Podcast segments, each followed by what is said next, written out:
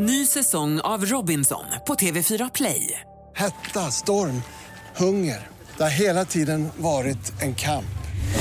Nu är det blod och tårar. Fan händer just nu. Det. är Detta är inte okej. Robinson 2024, nu fucking kör vi! Streama söndag på TV4 Play. Hon stannar tvärt på tröskeln vid åsynen av den blodiga väninnan och hennes förtvivlade pojkvän. Telefonsamtalet från Göran Sterner har gjort henne så orolig att hon tagit ledigt från jobbet och nu åkt hem för att se vad som hänt. För att någonting verkligen har hänt har de blivit allt mer övertygade om. Några minuter därpå anländer även polisen och konstaterar snabbt hur Ingrid dött. I badkaret ligger en tom hylsa från en 7,65 mm patron och i tvättkorgen hittas en tillplattad pistolkula. En burk hudkräm som tillsammans med sitt lock fallit ner i handfatet skvallrar om Ingrid Malms sista aktivitet i livet. Birger har varit här.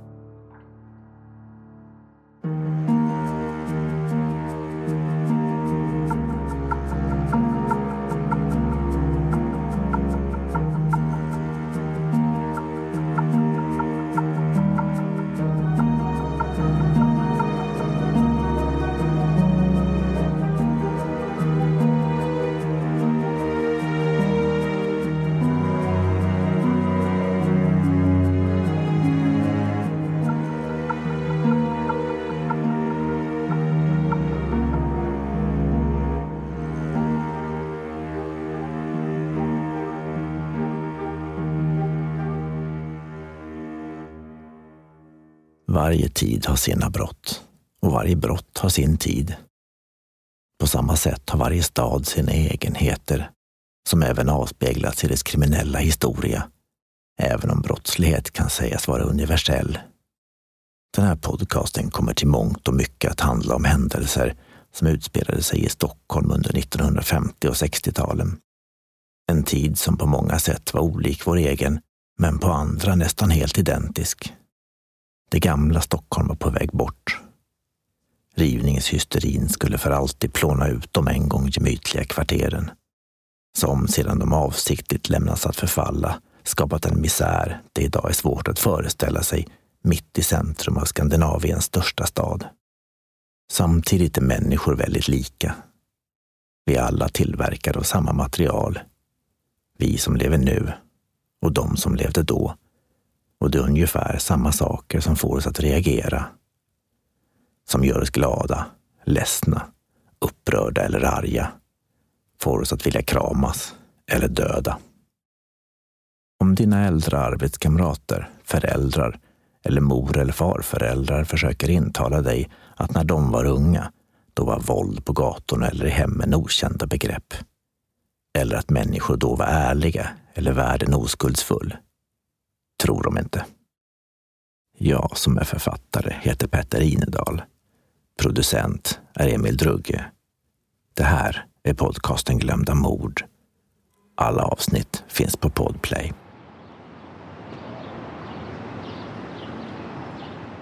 Göran Sterner tittar på klockan igen. Hon är strax efter tio på förmiddagen onsdagen den 11 oktober 1944 och Ingrid är sen. Nervöst vandrar han fram och tillbaka på trottoaren medan minuterna segar sig fram. Han har finaste kostymen på sig, en blomma i knapphålet och granskar de förbipasserande med otåliga blickar. 24-årige Göran Sterner och jämngamla flickvännen Ingrid Malm har stämt träff för att gå till pastorsexpeditionen och ta ut lysning. Och hennes frånvaro blir allt mer märklig när ytterligare några minuter gått ringer han från en telefonkiosk hem till den blivande fästmön, men ingen svarar. Ett samtal till hennes arbetsplats på Riksbanken ger det överraskande svaret att hon ännu inte kommit och inte heller hört av sig. En sak som rimmar illa med hennes annars vanemässiga natur. Ett tredje samtal till 30-åriga Gullbrita Edwards Ingrids kamrat och den hon bor inneboende hos ute på Gärdet ger vid handen att hon skiljs åt som vanligt på morgonen. Ingrid har inte med vare sig ord eller åthävor antytt att någonting var i olag. Men att Gullbrita ringt hem vid niotiden för att be Ingrid ta med sig en jacka hon behövde och att ingen svarat då heller. Göran Sterner smälter den förbryllande information han fått. Ingrid har varit mer eller mindre försvunnen sedan Gullbrita Edwards sist såg henne strax efter åtta på morgonen. Hon har varken hört av sig till arbetet, väninnan eller honom själv. Han beslutar sig för att låna lägenhetsnycklarna av Gullbrita och tar sig därefter ut till Furusundsgatan 14 där han flera gånger ringer på dörren till Ingrids och Gullbritas lägenhet på femte våningen. När ingen öppnar låser han upp och tittar försiktigt in. Den lilla ettan verkar tom och ingen svarar på hans rop. Han går en runda genom köket och det improviserade sovrummet i matvrån och därefter via det enda egentliga rummet tillbaka till hallen. För säkerhets skull kastar han en blick förbi den halvöppna dörren till det minimala badrummet. Och där, i en hög på golvet, ligger Ingrid Malm. Hon är uppklädd i ny svart klänning, ett smalt guldarmband på vänster handled och en glittrande brosch ovanför högra bröstet. Kring huvudet en pöl av blod och Göran Sterner lyfter försiktigt upp henne och drar ut henne i hallen. Uppenbarligen har hon ramlat, kanske svimmat och sedan slagit huvudet i badkarskanten så mycket riktigt även den har blod på sig. Men trots att hon ännu är varm kan han inte känna minsta tillstymmelse till puls och hon verkar inte heller andas. Det går med en chock upp för honom att hans blivande fästmö är död. Nästan samtidigt som han inser situationens fulla ohygglighet öppnas ytterdörren och Gullbrita Edwards kommer in. Hon stannar tvärt på tröskeln vid åsynen av den blodiga väninnan och hennes förtvivlade pojkvän. Telefonsamtalet från Göran Sterner har gjort henne så orolig att hon tagit ledigt från jobbet och nu åkt hem för att se vad som hänt. För att någonting verkligen har hänt har de blivit allt mer övertygade om. Några minuter därpå anländer även polisen och konstaterar snabbt hur Ingrid dött. I badkaret ligger en tom hylsa från en 7,65 mm patron och i tvättkorgen hittas en tillplattad pistolkula. En burk hudkräm som tillsammans med sitt lock fallit ner i handfatet skvallrar om Ingrid Malms sista aktivitet i livet. Birger har varit här, säger Gullbrita Edvard spontant när den otäcka sanningen om väninnans öde står klar. Den Birger Gullbrita talar om är Ingrid Malms före detta pojkvän, 36-årige spårvägstjänstemannen Birger Spång. Han är född i Klara församling i Stockholm 1908. Pappan arbetar som vaktmästare på NK och mamman som städerska. Föräldrarna skiljer sig när Birger är 13 år gammal sedan pappan flera gånger varit otrogen med andra medlemmar i den Philadelphia-församling vars anhängare han är.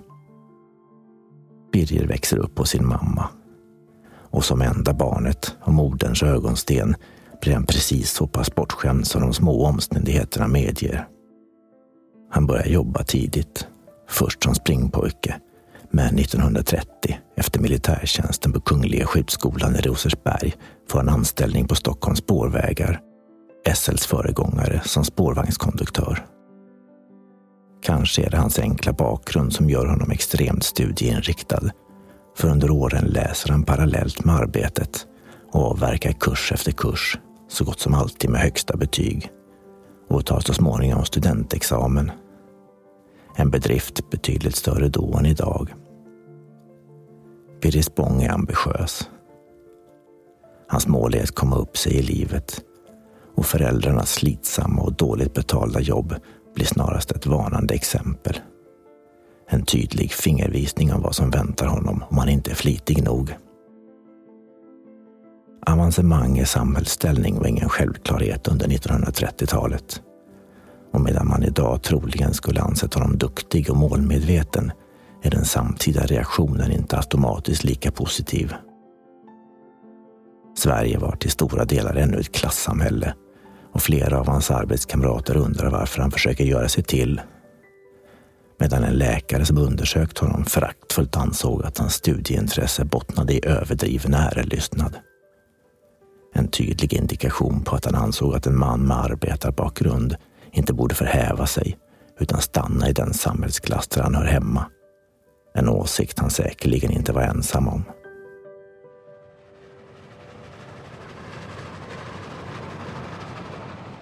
Sommaren 1936 reser Birger Spång till Tyskland. Kanske är det olympiaden som lockar. Kanske är det ett utslag av politisk turism. Ett märkligt fenomen vanligt vid den här tiden. Man reste helt enkelt ner för att titta på nazister. Ungefär som när man idag ser lejonburen på zoo.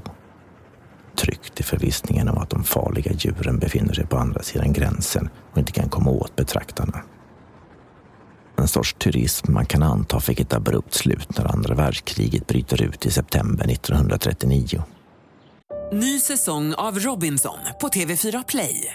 Hetta, storm, hunger. Det har hela tiden varit en kamp. Nu är det blod och tårar. Fan händer just nu. Det. är Detta är inte okej. Robinson 2024, nu fucking kör vi! Streama söndag på TV4 Play. Ett poddtips från Podplay. I podden Något Kaiko garanterar östgötarna Brutti och jag, Davva, dig en stor dos skratt. Där följer jag pladask för köttätandet igen. Man är lite som en jävla vampyr. Man har fått lite blodsmak och då måste man ha mer. Udda spaningar, fängslande anekdoter och en och annan arg rant. Jag måste ha mitt kaffe på morgonen för annars är jag ingen trevlig människa. Då är du ingen trevlig människa, punkt. Något Kaiko, hör du på Podplay. Därför är gardinerna. På ett konditori i Hamburg träffar Birger Spång den 23-åriga Gerda Kurt som bara några månader tidigare kommit ut från det koncentrationsläger hennes politiska åsikter fört henne till och där hon blivit grundligt misshandlad av SA-männen. Birger Spång ser bra ut. 177 centimeter lång med djupa bruna ögon och en röst som beskrivits som dämpad, mjuk och melodisk. Tyska kan han mycket väl. Och om det nu är kärlek eller rädsla för vad som kan hända henne i ett land där diktaturen för vardag antar skarpare former. Men Gerda Kurt följer med till Sverige och några månader senare gifter de sig. Troligen blev inte situationer i det nya hemlandet riktigt vad Gerda Kurt hade väntat sig. Det unga paret delar lägenhet med Birgers mamma. En kvinna som med all önskvärd tydlighet gör klar att hon inte anser den tyska flickan vara en passande hustru åt hennes son. Gerda kan inte ett ord svenska, har inga vänner här och hennes man är så gott som alltid frånvarande. Inte nog med att han arbetar hela dagarna. Kvällarna tillbringar han på olika studieförbund och när han kommer hem är han så utpumpad att han stupar i säng. När Birger Spång 1940 blir befordrad till tjänsteman på trafikexpeditionen vid spårvagnstallarna på Södermalm får han visserligen högre lön, men för Gerda Kurt, numera Spång, gör det lite skillnad. Att Gerda, trots tiden i koncentrationsläger, vid världskrigets utbrott visar sympati för sitt födelseland gör inte förhållandet till den övertygade socialdemokraten Birger Spång speciellt mycket intimare.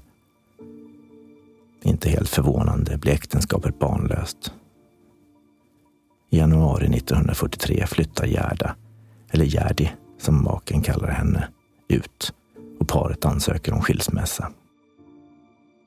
Den första maj samma år promenerar Gerda tillsammans med ett par väninnor över Djurgårdsbron när de stöter ihop med Birger Spång.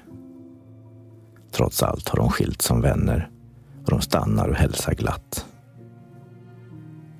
I sällskapet befinner sig också Ingrid Malm, nyss inflyttad från Göteborg. Hon träffar Birgit Bång som ett hammarslag.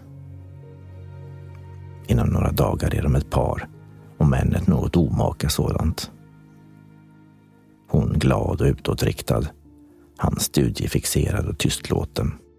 En bekant skulle till och med beskriva honom som humorlös. Förhållandet med den 12 år yngre Ingrid, som nyss lämnat föräldrahemmet och inte alls är road av högläsning av spansk grammatik eller socialhistoria, sätter sina spår även på Birger. Han låter studierna vila och paret ses ofta ute på Stockholms krogar.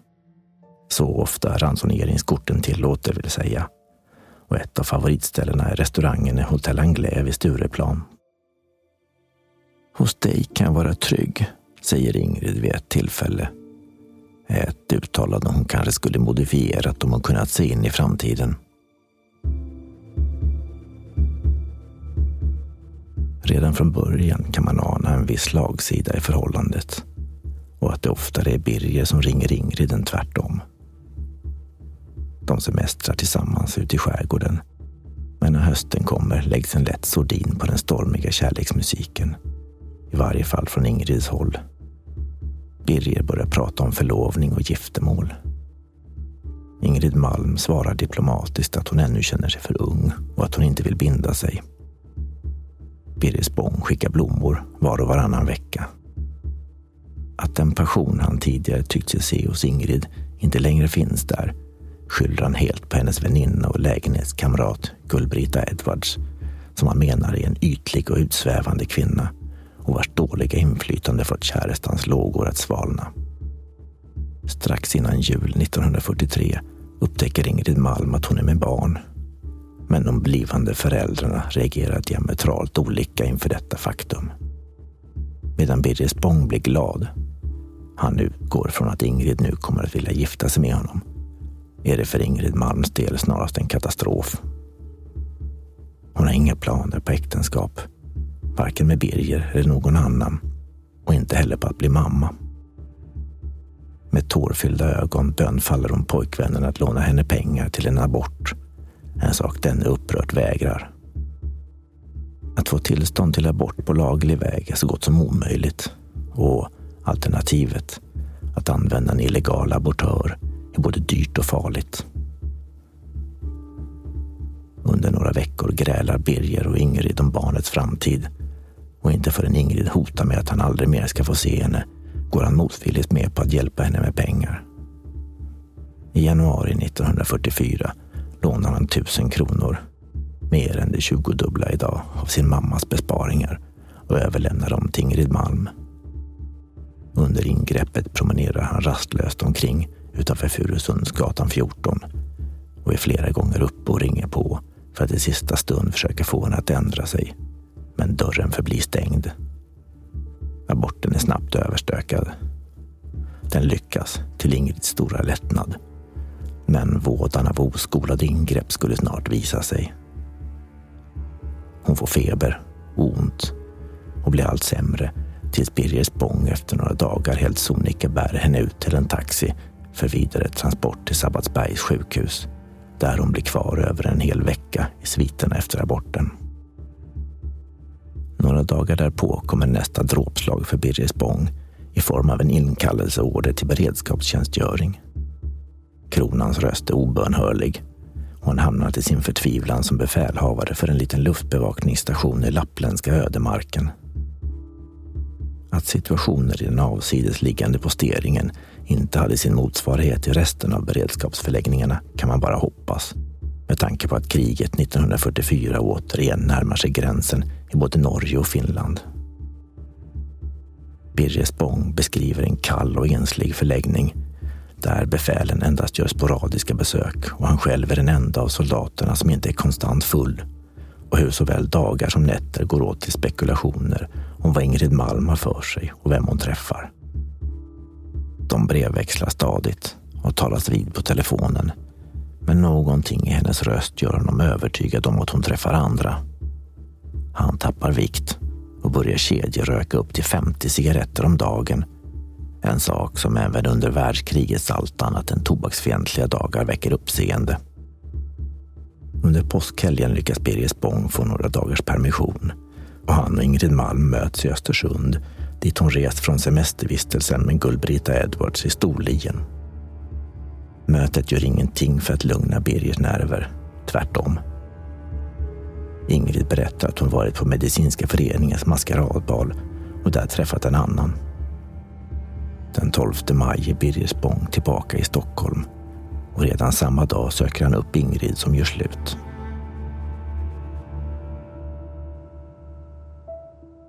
Birger Spångs värld rasar ihop. Han ringer henne gång på gång. Står utanför hennes hus och stirrar upp mot de blänkande fönster bakom vilka han vet att Ingrid och Gullbrita bor.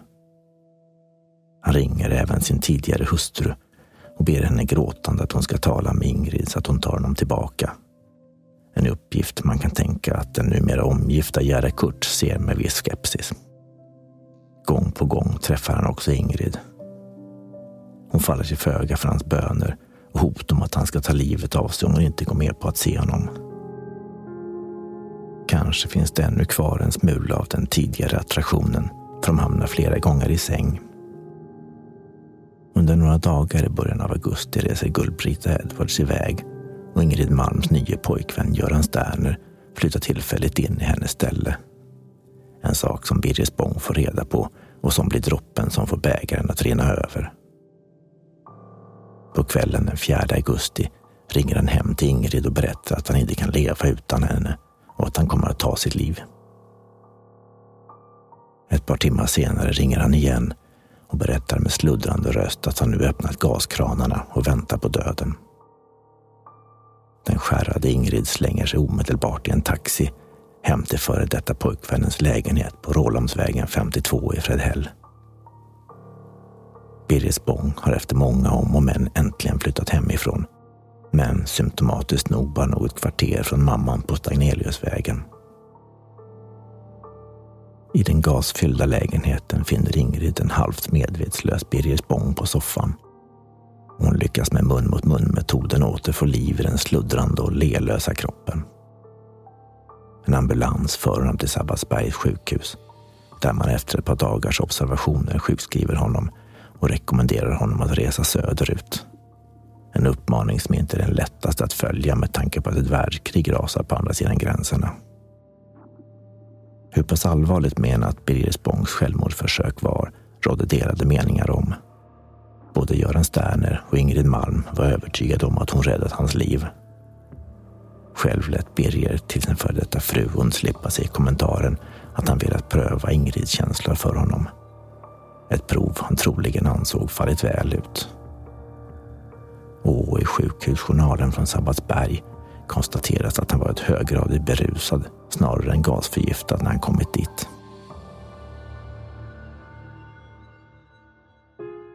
Rekommendationen att resa söderut gör att han hamnar på Gotland. Men redan efter ett par veckor är han tillbaka i Stockholm. Tanken på Ingrid och Göran har helt enkelt blivit för mycket. När Göran tillfälligt reser hem till Borås träffas Birger och Ingrid återigen så gott som dagligen. Hon skulle själv för en måttligt förtjust skull Brita Edwards förklara att hon hade svårt att välja mellan de bägge kavaljererna. I slutet på september upptäcker Ingrid att hon är gravid på nytt. Och om hon förra gången var säker på att det var Birger som var pappa är faderskapet betydligt tveksammare nu. Ytterligare en abort orkar hon inte med och någon vecka senare har hon definitivt bestämt sig. Vad det var som fick henne att välja den jämngamle medicinekandidaten framför den tolv år äldre och lätt hysteriska spårvägstjänstemannen avslöjar hon inte. Men en väninna antyder att valet varit av lika mycket praktisk som känslomässig natur. Och den 6 oktober berättar Ingrid för en förkrossad Birger Spång att hon och Göran Sterner ska gifta sig Upplysningen skickar Birger Spång raka vägen till psykiatrikern som åter sjukskriver honom med samma uppmaning att resa söderut. Måndagen den nionde har Birger och Ingrid stämt träff för sista gången när hon bjuder på avskedsmiddag i lägenheten på Furusundsgatan. Han har köpt henne rosor och ett guldhalsband med ett litet hjärta. Dagen därpå träffas de igen när Birger ringer och bönar. De sitter länge på en bänk i Humlegården och ser höstlöven singla ner i den allt mörkare kvällen. Till sist följer han henne till 41ans hållplats och Ingrid Malm försvinner ur hans liv. Så var i varje fall tanken från Ingrids sida. Dagen därpå har hon och Göran Sterner beställt tid på pastorsexpeditionen för att ta ut lysningen för det kommande giftermålet. På morgonen den 11 oktober dyker Birger Spång upp på sin arbetsplats i Ringvägens spårvagnsstallar.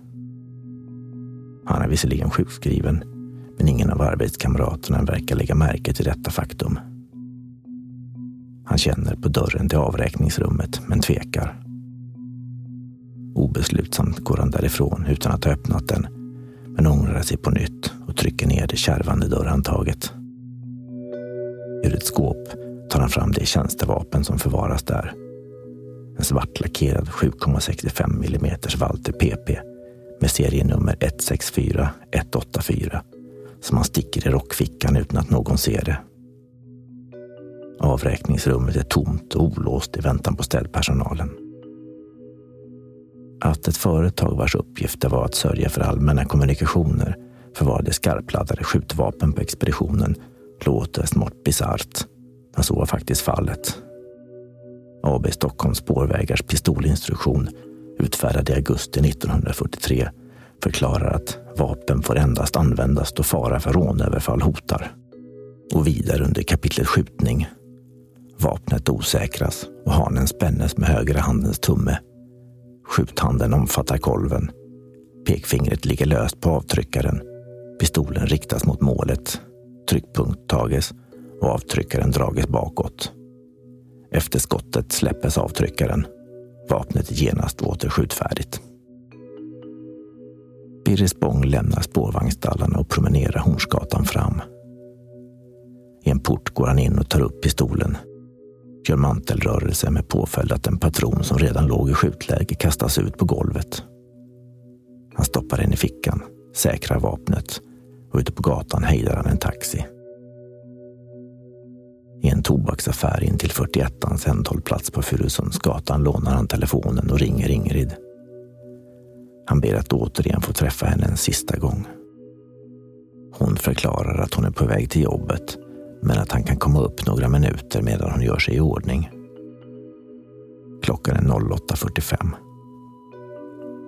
När han kommer in i lägenheten hälsar de på varandra liksom så många gånger förr. En gissning är att hennes nya klänning och allmänna iver att göra sig vacker sticker i Birgers ögon då han mycket väl känner till anledningen.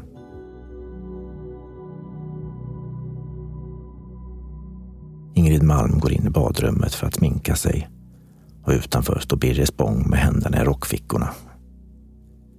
I ena handen kramar han pistolkolven.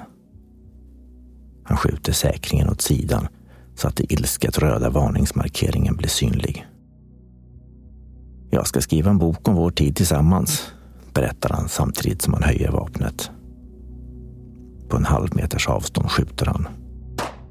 Skottet träffar Ingrid Malm i bakhuvudet, in till vänstra örat och tränger ut igen tre centimeter nedanför det högra och är omedelbart dödande. Blod sprutar över badkar och handfat. Med ett svagt stönande faller hon baklänges men vrider sig i fallet så att kroppen hamnar på sidan i det endast 1,5 gånger 1,6 meter stora badrummet. I fallet krossar hon näsbenet mot toalettkanten men märker det lyckligtvis inte.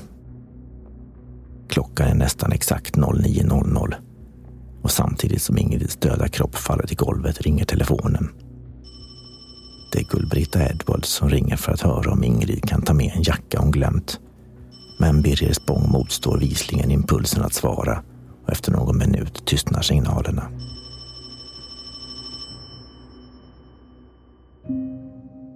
Efter mordet tar Birger taxi ut till Blockhusudden en plats han och Ingrid ofta brukat besöka. Han berättar efteråt att hans ursprungliga plan varit att även skjuta sig själv, men att han ångrat sig i sista minuten. Han promenerar in till Östermalm där han från en telefonkiosk ringer sin förra hustru och berättar vad som hänt. Hon tror honom utan tvekan. Kanske för att han tidigare flera gånger talat om att han och Ingrid skulle begå gemensamt självmord och säger åt honom att omedelbart gå till polisen. Men ringer för säkerhets skull även dit själv för att rapportera mordet. Klockan 10.40 stannar en taxi utanför kriminalpolisens högkvarter på Bergsgatan 48 på Kungsholmen. In genom dörrarna kliver Birger Spång och säger med låg röst till vakthavande bakom disken. Jag ska sättas in. I hans ficka hittas pistolen med en patron i skjutläge fyra i magasinet och en lös i rockfickan. Och två poliser ger sig i taxi av mot Furusundsgatan 14.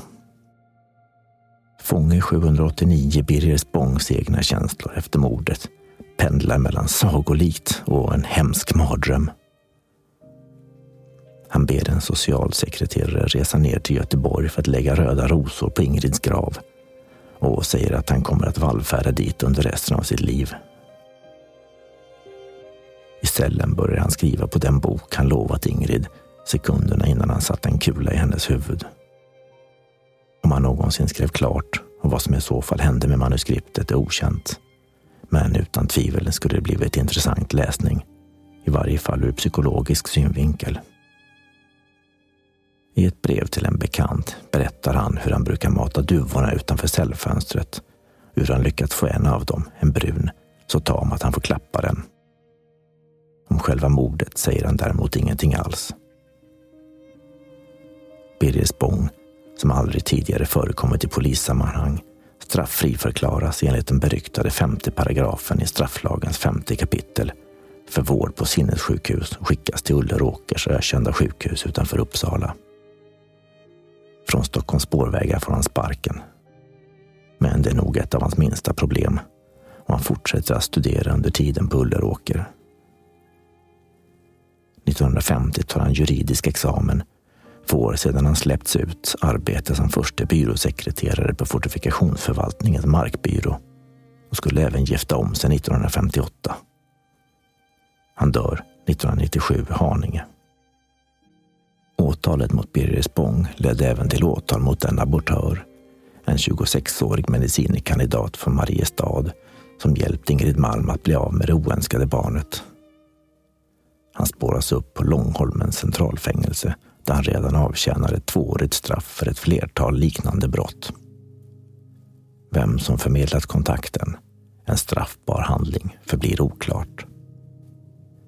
Gullbrita Edwards nekar, inte helt oväntat, till anklagelsen och abortören själv säger sig inte minnas någonting.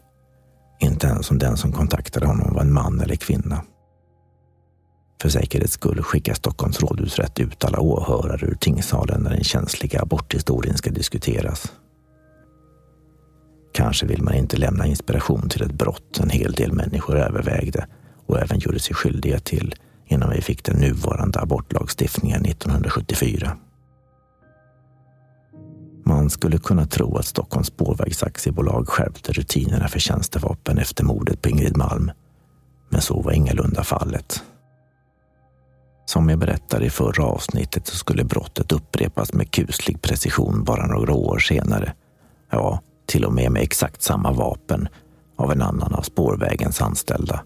John Nordlund som satte en kula i huvudet på sin skilsmässobenägna fru.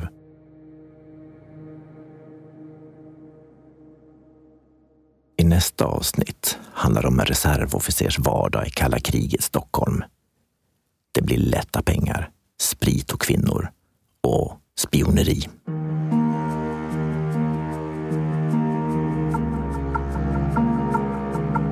Du har lyssnat till podcasten Glömda mord. Jag som berättar heter Petter Inedal. Producent Emil Drugge. Allt det här har hänt på riktigt.